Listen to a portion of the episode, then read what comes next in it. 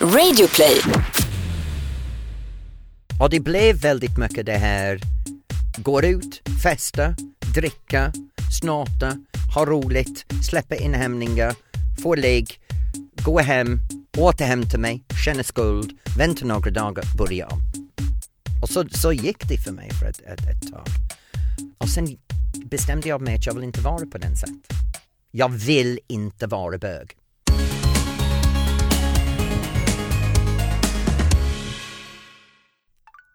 Anton, ljudet av nu.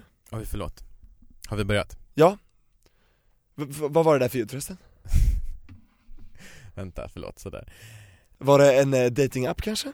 Det kan ha varit så att jag har skaffat Tinder igen. Igen? Har du haft det förut? Jag hade Tinder för typ fyra år sedan kanske. Innan vi träffades alltså? Ehm, ja, fyra år så hade jag kanske ett år, ett och ett halvt eller någonting. Så jag kanske tog bort det ett halvår innan vi träffades. Nej du, jag hade kvar det när vi träffades, bara att jag inte använde det. Du har alltså tindrat hela tiden? Nej, det har jag Nej. absolut inte gjort. Men vill du veta en sak som är så kul? För när jag skaffade Tinder igen, När Då- skaffade du den nu? några dagar sedan. Nej. Jo, Oj. Och då var det någon som skrev till mig, för den gamla profilen finns kvar på Tinder Och eh, då var det någon som skrev till mig typ såhär bara, bara Välkommen tillbaka, alltså någon som har liksom verkligen sett att jag är tillbaka, vi har matchat, matchen finns kvar Och eh, jag bara, va? Det kändes lite så taskigt Och bara, vad läskigt. Ja, vet du vad jag skrev då tillbaka? Nej. Jag bara, jag ser att du har samma bild fortfarande Kommer du ihåg människans bild? Ja, Anton läskig du är. jag vet Men okej, så nu har du blivit eh, Tinderella. Eh, I'm an aspiring Tinderella I think you're already there. Nej jag skojar, jag har faktiskt inte, jag har inte träffat någon än Jag På har, riktigt? jag har inte träffat någon än därifrån, nej Men vill du veta en sak som jag tycker är så spännande? Berätta. För våran kära, vårat kära hbtq-community, säga vad man vill men stort är det då inte Och det man kan, nej, men, nej vad skrattar du åt? Det man kan säga då är ju att det är ganska litet, ganska gemytligt och så Och eh, det är ju en hel del bekantskaper som dyker upp på den här kära Tinder-appen Och jag tycker det är så jävla spännande att swipa höger Så du gör det hellre än ofta? Eller Nej ofta? alltså, eh, nej nej nej, jag är väldigt, jag, jag, är, jag är en vänster-swipare, alltså såhär nej nej nej Nej men okej, det som jag gör då är att jag swipar liksom vänster på de allra flesta, men om det är någon så här snygging som man eh, kanske har varit lite bekant med tidigare, kanske jobbat med, kanske någonting, ja jag vet inte Då är det lite spännande att veta vad som händer om man swipar höger För swipar jag vänster får jag aldrig veta vad den hade sagt om mig Så då har det hänt att man har swipat höger på några sådana Beep. Pip pip. Nej men så, alltså grejen är den att jag gillar Tinder bättre än Grindr, Grindr is not my thing Hur är det för dig? Nej men alltså vet du, jag har inte appat någonting på sista tiden. Har du inte? Nej för jag har varit sjuk ju, jag berättade det förra veckan, jag är fortfarande så sjuk och lite så snuvig och så. Och då har jag passat på att gå och testa mig. Så jag är helt 100% frisk nu, Bra Tobias! för jag har inte varit på, Bra. någon, på flera veckor, jag känner, alltså jag, tack, jag är jätte, jättetaggad nu. Och på att få använda de här kondomerna äntligen. Som vi får från kondomvaruhuset.se Just det! För även den här veckan så är vi ju super happy att podden presenteras i samarbete med Kondomvaruhuset Och eh, där hittar du massor med olika kondomer så, och eh, någonting som vi gillar, eller i alla fall jag, jag tror att du också gör det Tobias, är att de har en superbra storleksguide på deras hemsida Så klicka in på kondomvaruhuset.se och eh, gör deras kondom kondomguide för att hitta rätt kondom för dig. Spara massa tid och pengar, superskönt. Och Tobias, vilket erbjudande är det kondomvaruhuset.se har? Alltså jag är så glad att kunna säga det här i Regnbågsliv, man får alltså 10 kondomer för en spänn! Jag en krona. spänn varje gång istället för en krona. Ja men då säger jag en, en krona då, Det är faktiskt eh, asnice, och tips från ass mig. nice, Ass nice. Ja, nej, in men the ass tips från mig faktiskt, vi kommer göra lite kondomskolor lite då och då på vår instastory Så följ oss där, det vet Regnbågsliv och kika på vår instastory där vi visar lite personliga favoriter och så vidare. Eh, Men ja, det var det om kondomvaruhuset. Tusen tack kondomvaruhuset.se Och från kondomer, helt plötsligt till Tony Irving, dagens gäst. Åh vad kul det ska bli att ha med Tony.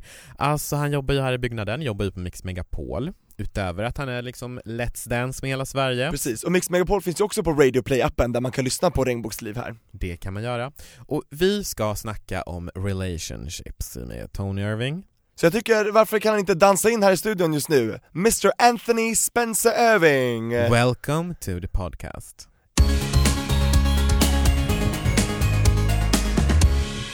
Välkommen in Tony Irving! Woo! Hej! Eller Anthony Spencer Irving. Åh, tack så mycket! Min full namn, nu känner jag mig som en riktig drottning. Och Ja, du det- satte dialekten också Tobias. Nej men du vet, är det Lancaster eller Lancashire? Lan- Lancashire. Lancashire är det. Lancashire. Ifrån Lanca- nordvästra England. Ja, Lancaster är stan, Lancashire är länet. Mhm.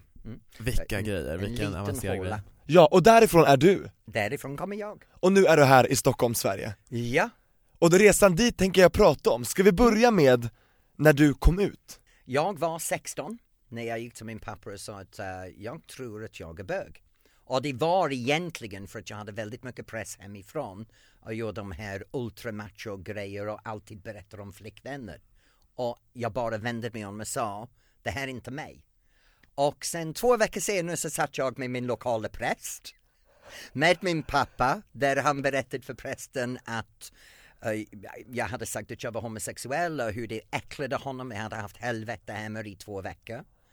Ehm, han höll mig mot, vid eh, kragen mot väggen och sa att no son of mine's a shitstuffer. Oh, Ehm, Shit stuffer. Shit, ja, stoppa kuken upp i röven. Ursäkta min... min Nej men det, det här är klarspråk. det, Ah. det var det menar. Han var helt rasande. Och prästen sa att så fort som jag gifter mig så kommer det gå över.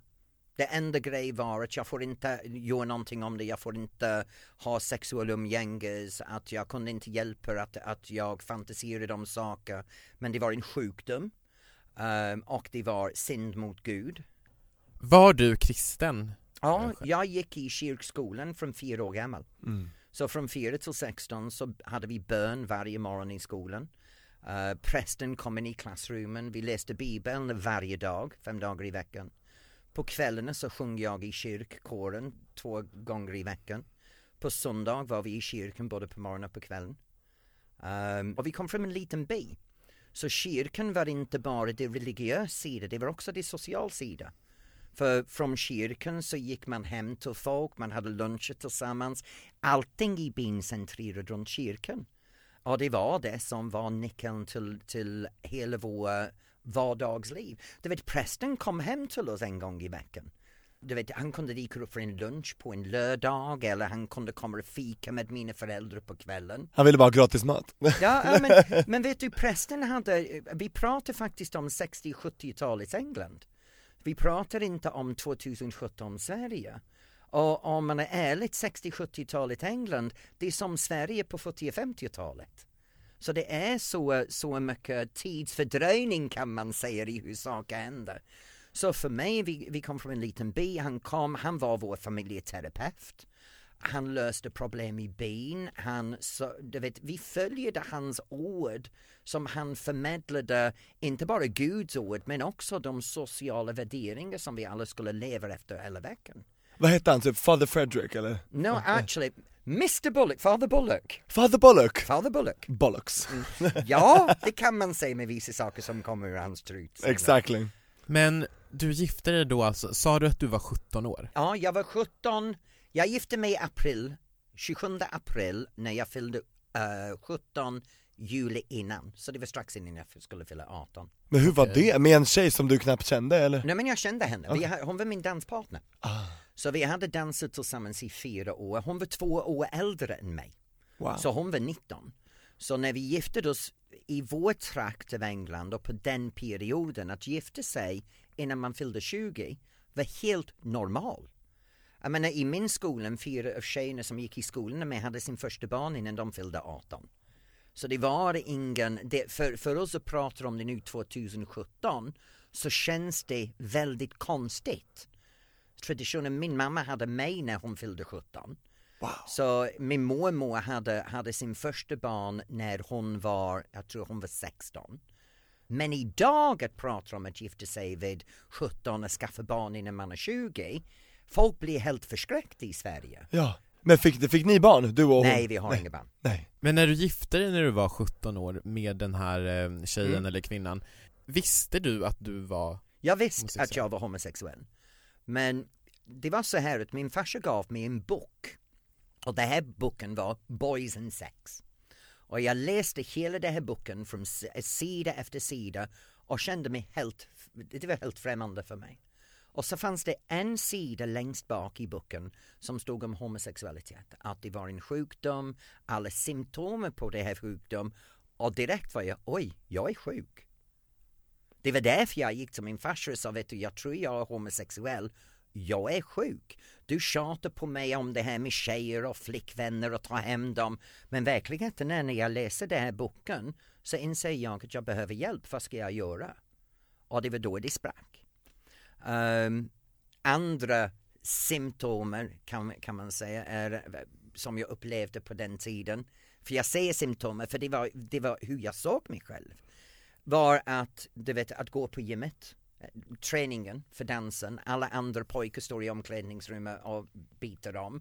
Och så står jag där och var helt generad framför dem. För jag försökte titta men jag blev generad när jag tittade. För jag vill inte ha att de ska förstå att jag tittat på dem på en sätt som jag blev attraherad. Så hela mitt liv när jag kom ut var en, en, en bekymmer av att försöka hålla en fasad upp för alla andra och erkänna för min farsa som var min bästa vän.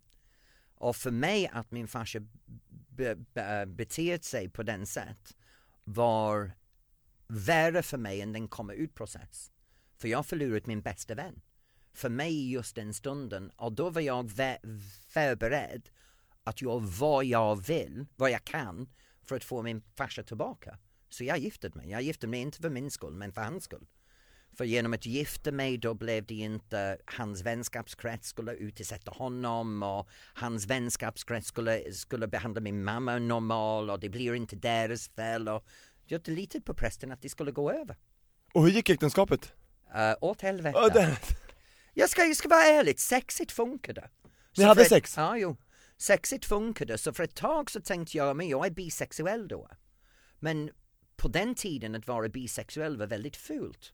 Det var ett fult ord. Homosexuella vill inte ha någon som var bisexuell, och heterovälden vill inte ha bisexuell. Och de här två motpoler av hetero och homo, då visste man.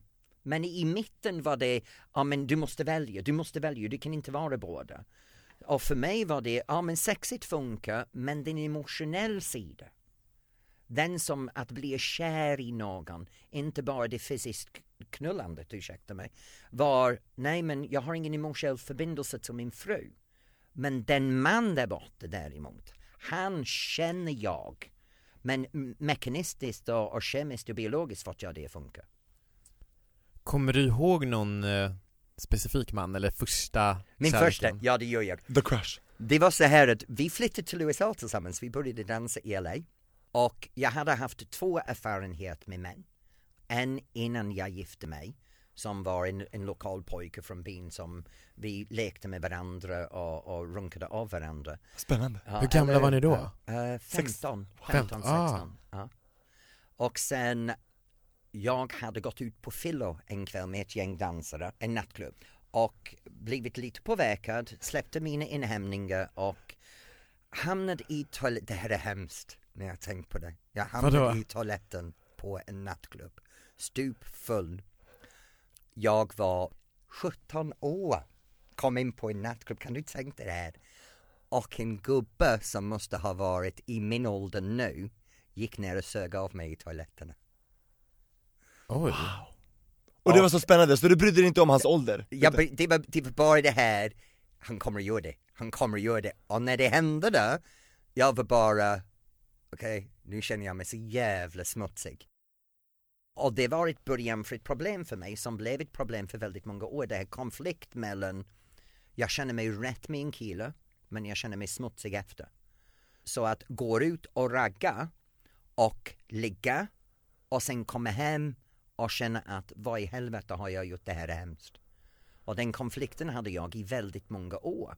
Mycket ångest, låter det som. Väldigt mycket ångest och det, det påverkade mig när, när min fru och jag separerades. Vi separerades för att jag hade äh, egentligen träffat någon och vill komma ur garderoben och hon flyttade hem till England. Efter hur lång tid? Äh, två år.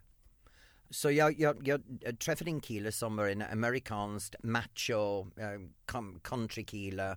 Vi blev ihop. och hela tiden i den förhållande var, jag, var väldigt svårt för mig att ge honom en förhållande.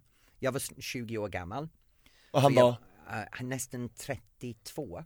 Så det var lite det här daddy syndrom som jag hade. Om man tänker på det. Jag, jag tyckte väldigt mycket om just då äldre killar. Uh, speciellt lite macho. Eh, för det kändes, ja det är inte, det är inte, så, det är inte så farligt då. Han är, det vet jag är med, med en man och sen när vi hade sex så gick jag därifrån och vill duscha, tvätta av mig direkt. Helst inte prata om det, jag helst ha sex när jag var onykter.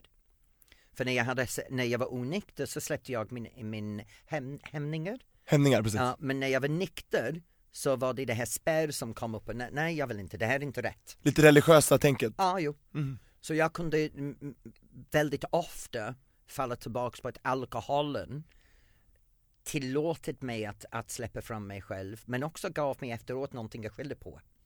Jag var full, för fan jag borde inte dricka, hemskt jag är, det är äckligt, det är, och då blev det den konflikten för mig ganska länge.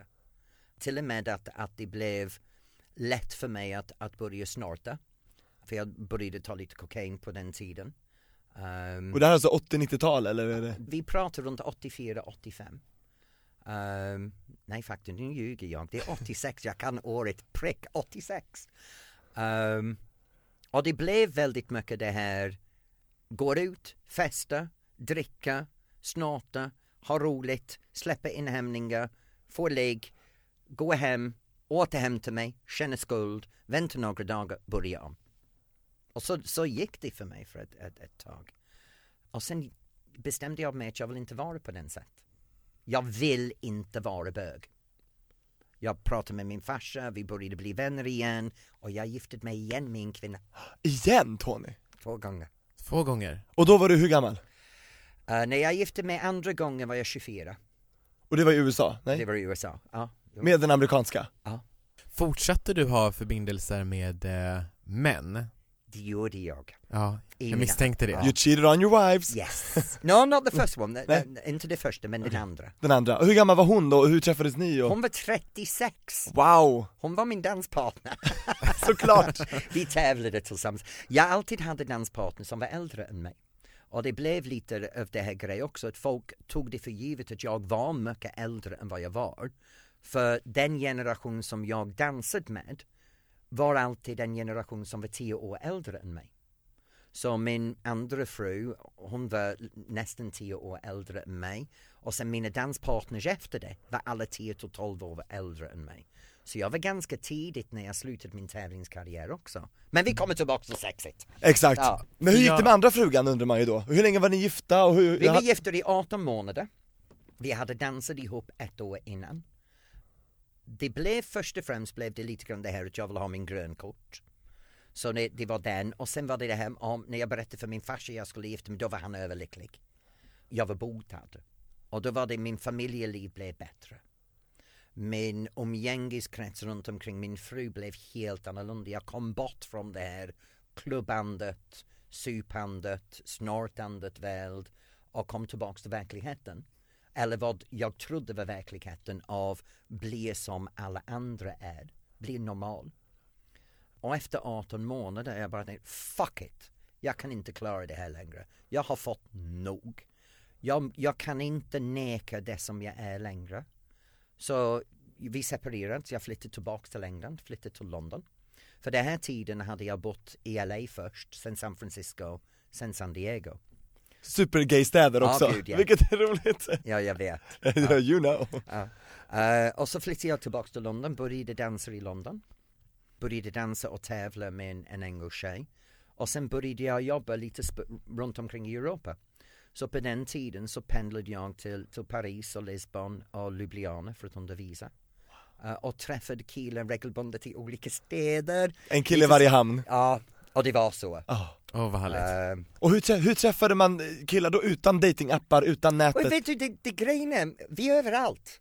Idag så pratar man, I mean, jag har ingen gay dag. Look, förr, förr i tiden när jag var ung, man gick ut på kvällstid, man gick inte ut så sent. Då gick vi ut klockan halv sju på kvällen. Vi gick till en bar var vi satt och hade drickor och åt middag och sen därifrån om man vill så gick man till en nattklubb som stängde klockan tre, inte klockan fem. Så jag menar, så, saker har förändrats i hur vi umgås med varandra och datingapp. Men på den tiden så gick man ut på ragget.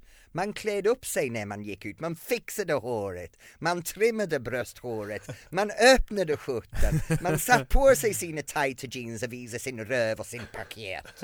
Och så stod man där och sa i am sexy på riktigt, in real life. Man behövde ingen bild som man tog en kukbild och ställde ut det.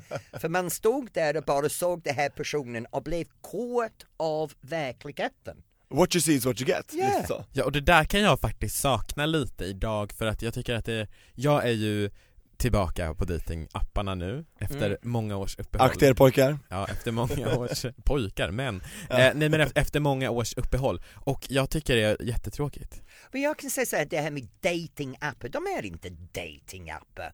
De är knullappar. Ja.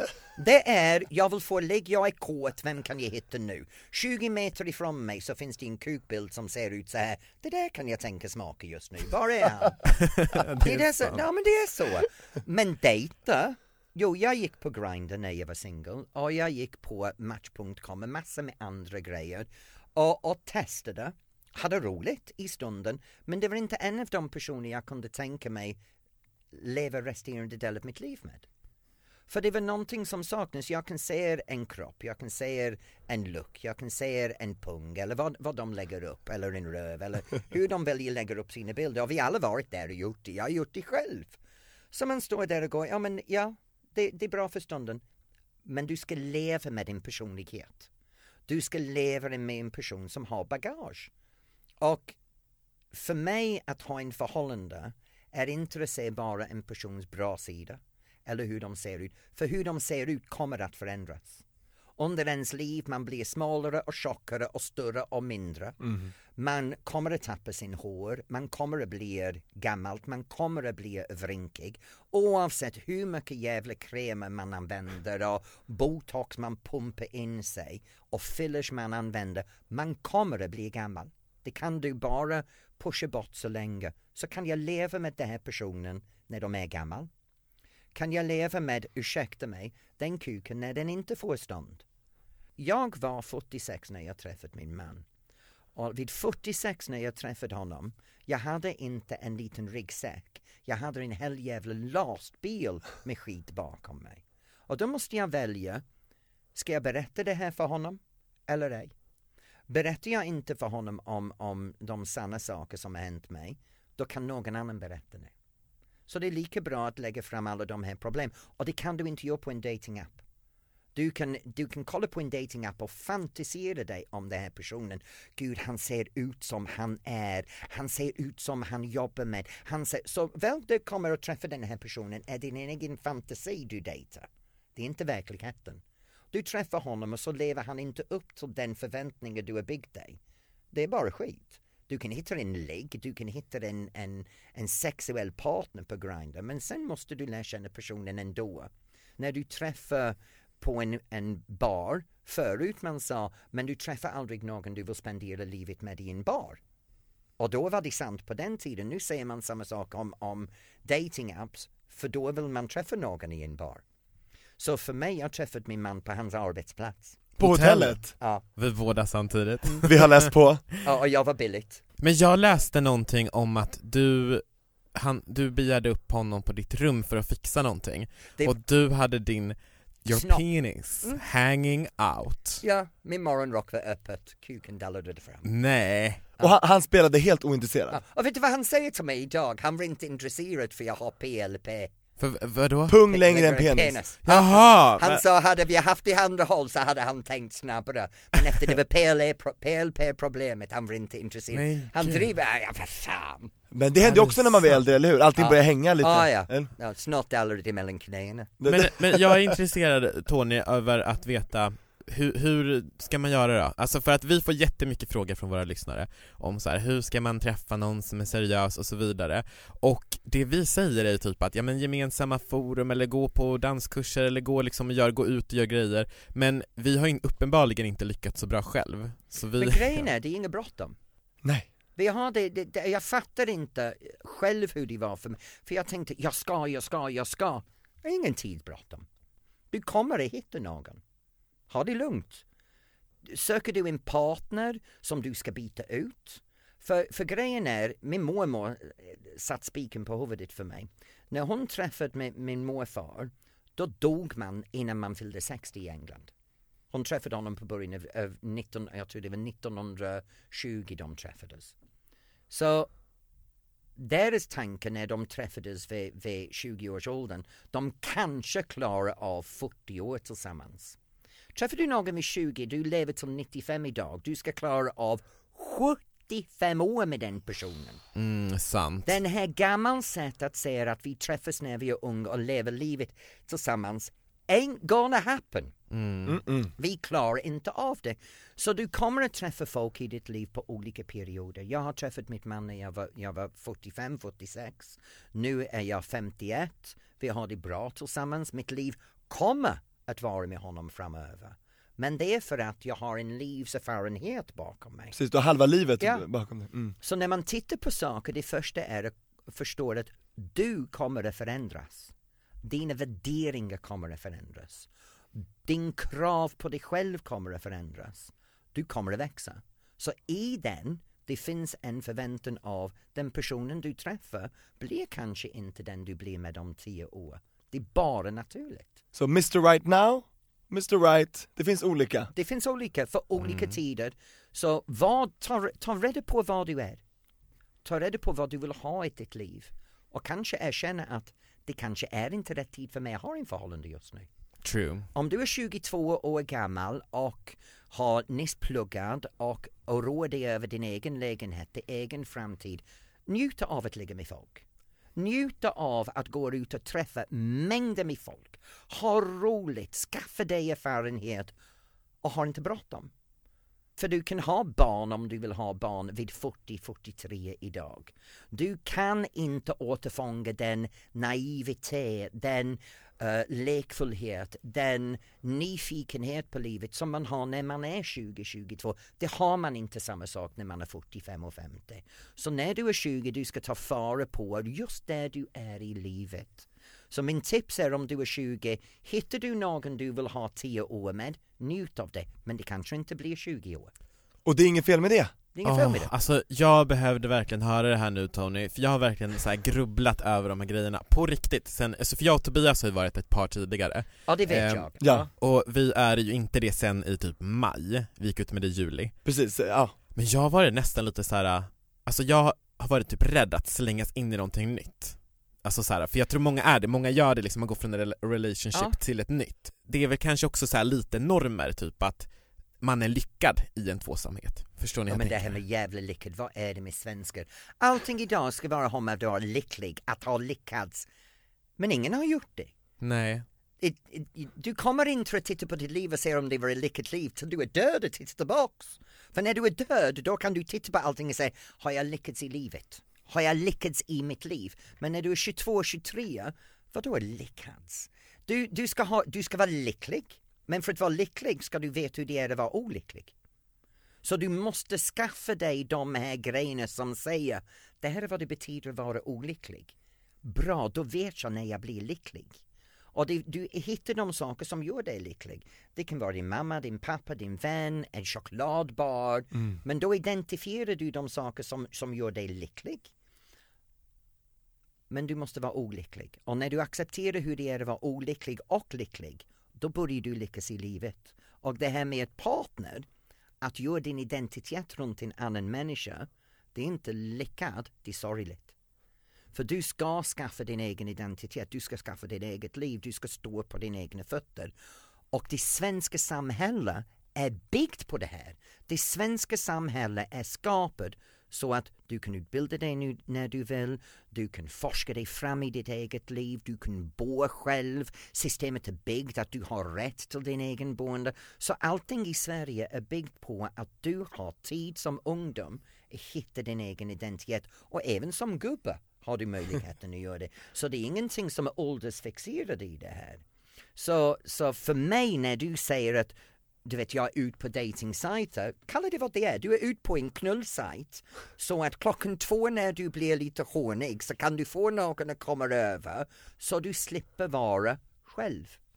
Tell it like it is Tony. Du vill ha lite hjälp med, din- med ursäkta mig, så du slipper runka av själv. Exakt. Och sen att du inte behöver sova själv. Och, what's the problem? Precis, vem dömer dig? Ja, nej men alltså för det, jag tycker att vi kan vara, ha lite för mycket så här shame culture eller skamkultur eller, Eller hur? eller det, det här ordet, vad heter det? Slut-shaming. Mm. Det tycker jag vi bara kan riva bort liksom. Men det är mig. Det är därför jag kan säga det här. Jag gick igenom skammet. Jag gick igenom det här efter jag låg med en kille, jag duschade, tvättat mig och gick och biktade mig för att erkänna att försöka få bort skammen. Så jag vet i första hand det här med skammen, hur mycket det kan skada dig. Få bort den, jobba bort den där jävla skammen. Och det är någonting vi är ansvariga för i hela HBTQ-rörelsen. Vi har grinder, vi pushar grinder, vi är på grinder, men folk erkänner inte det. De vill vara anonymt. Och bara leta efter vänner. Ja, och så- Diskret. du vet, och det är massor med sådana sajter och det aldrig blir det. Går du ut och ligga, erkänn det. Till dig själv först. Du behöver inte få ut det för alla, men erkänn det till dig själv. Jag har en sexuell behov, jag är en sexuell varelse. Det, Det är vi allihop. Ja, amen! Det är så sant och det, det blir nästan lite komiskt att vi är ju bäst i hela världen på att fira stolthet och pride. Mm. Men vi kanske liksom inte, alltså det, det blir lite eh, Dubbelmoral. Ja. Ja men pride är en annan grej, ha, ha pride i vem du är som en människa, pride i den, din egen identitet. Du kan välja idag vad du har på färgen på dig. Är jag eh, homo, bi, trans, queer, eh, är jag, du vet, vad, vil- vilken caps är det som jag identifierar mig under? din personlighet, din beteende blir präglad av det. Sen är sexualitet för mig, det är en personlig val i hur vi beter oss som en sexuell va- varelse. Vissa personer vill leva nunnor och det är jättebra. Vissa personer vill ligga runt och det är också bra. Vad, vad är det för, det är ens egen värdering som gör att man hittar sin beteende. Det som passar för dig. Och det kan vara så att just nu som jag gör det, just nu i den umgängeskrets var det så att vi gick ut och låg tre, fyra kvällar i veckan med olika personer för en period av tid. Och det var den period i mitt liv när jag var 26 år gammal. You had Men a good nu- time. Nu i 50 år, år gammal, vet du om jag gör det en gång i veckan är jag överlycklig.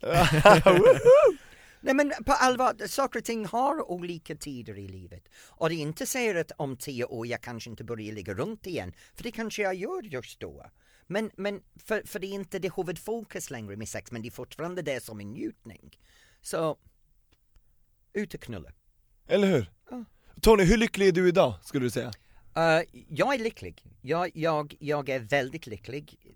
Och det är svårt att förklara på, på någon annan sätt. Jag tycker att det visar stunder var jag känner mig olycklig. Det visar stunder var jag känner att jag har inte roligt. Men det inte betyder att jag inte är lycklig. Så jag är alltid lycklig. Men jag kan ha tråkigt. Det är en annan That femma. makes sense. Ja, när har du tråkigt då?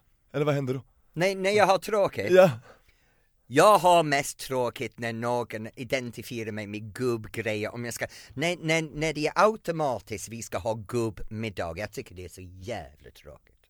Men då måste vi ha en rolig middag, vi skulle ju ha en parmiddag när vi, vi kan var, ha, ja! Ja, vi, det skulle vi ha haft faktiskt, vi pratade om det. men det Ja, aldrig hallå! Men vi kan ha det ändå, för vi är faktiskt poddpar Ja, hallå, vi, vi kan umgås tillsammans i samma rum utan problem Ja, det är bra. Du märker det, eller hur. Tony? Ja, men hallå, det är, så, det, är, det, det är så dumt att ett par kan inte umgås. Ni var bästa vänner, låg med varandra.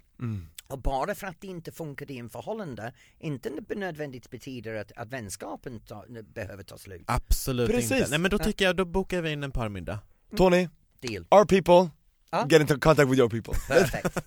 My pe- eller jag som är your people Du är my people, Bra, exakt du kan ringa min man, han fixar det. Exakt, ni styr upp! Secretary Åh, jag kommer glömma bort säkert Men jag skulle vilja ehm, ställa en eh, lite allvarlig fråga Varsågod.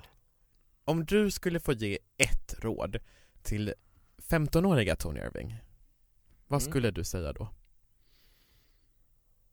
Oj, det har jag aldrig tänkt på. Men rent spontant skulle, så skulle jag säga så här. Du är precis som Gud skapade dig. Du är rätt, du är normal och du behöver inte leva ditt liv efter andras förväntningar. Du har dina drömmar. Gå för dina drömmar. Gå med din känsla och lita på det. För du har rätt. Du är normal.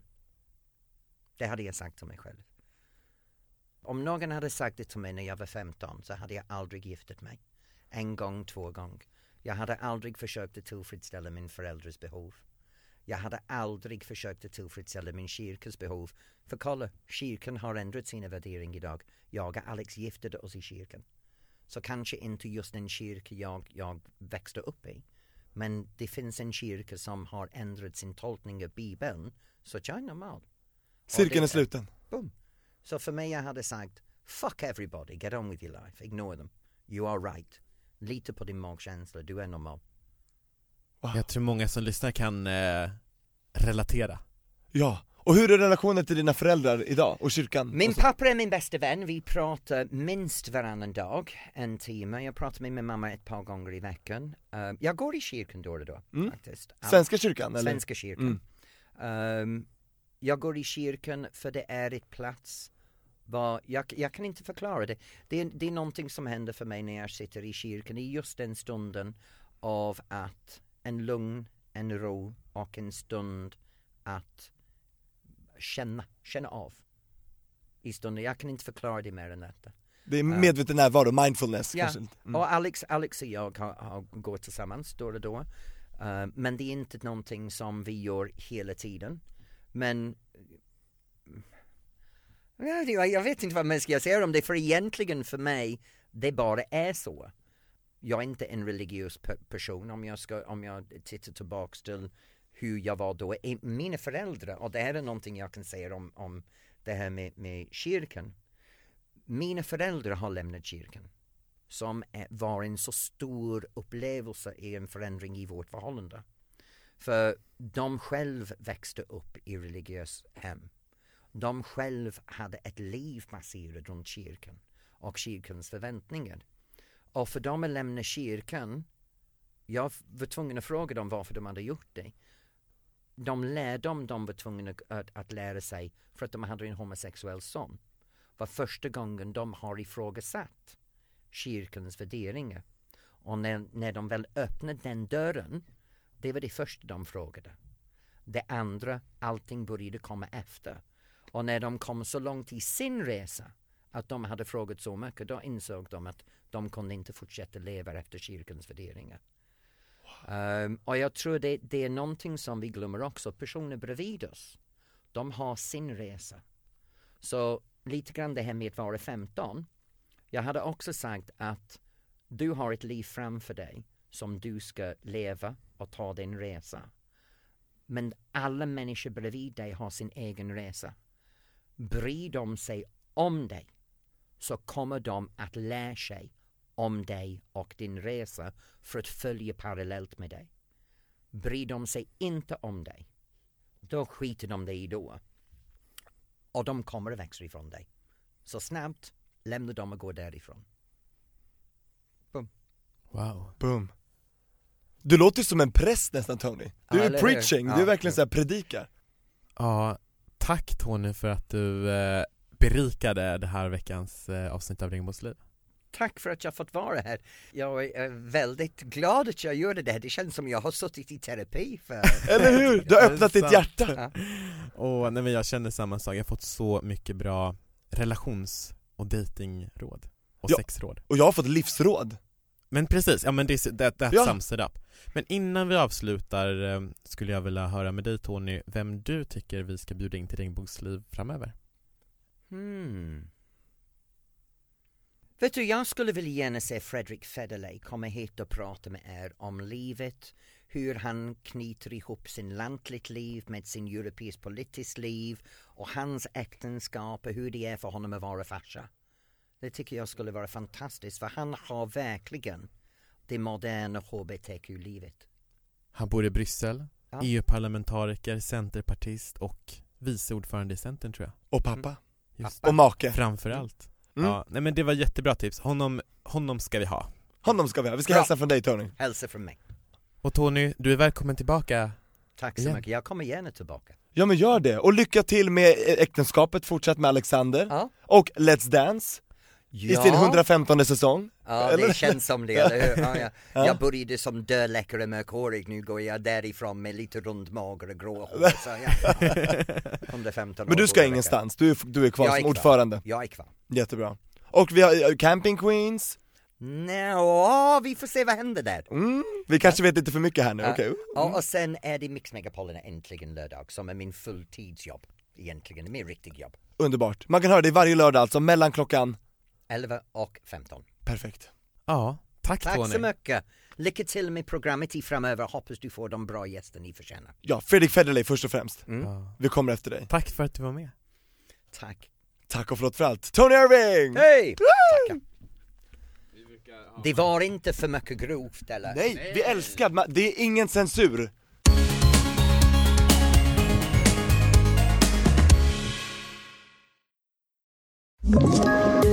poddtips från Podplay. I podden Något Kaiko garanterar östgötarna Brutti och jag, Davva, dig en stor dos skratt. Där följer jag pladask för köttätandet igen. Man är lite som en jävla vampyr. Man har fått lite blodsmak och då måste man ha mer. Udda spaningar, fängslande anekdoter och en och annan arg rant. Jag måste ha mitt kaffe på morgonen för annars är jag ingen trevlig människa. Då är du ingen trevlig människa, punkt. Något Kaiko, hör du på Podplay. Därför är gardinerna.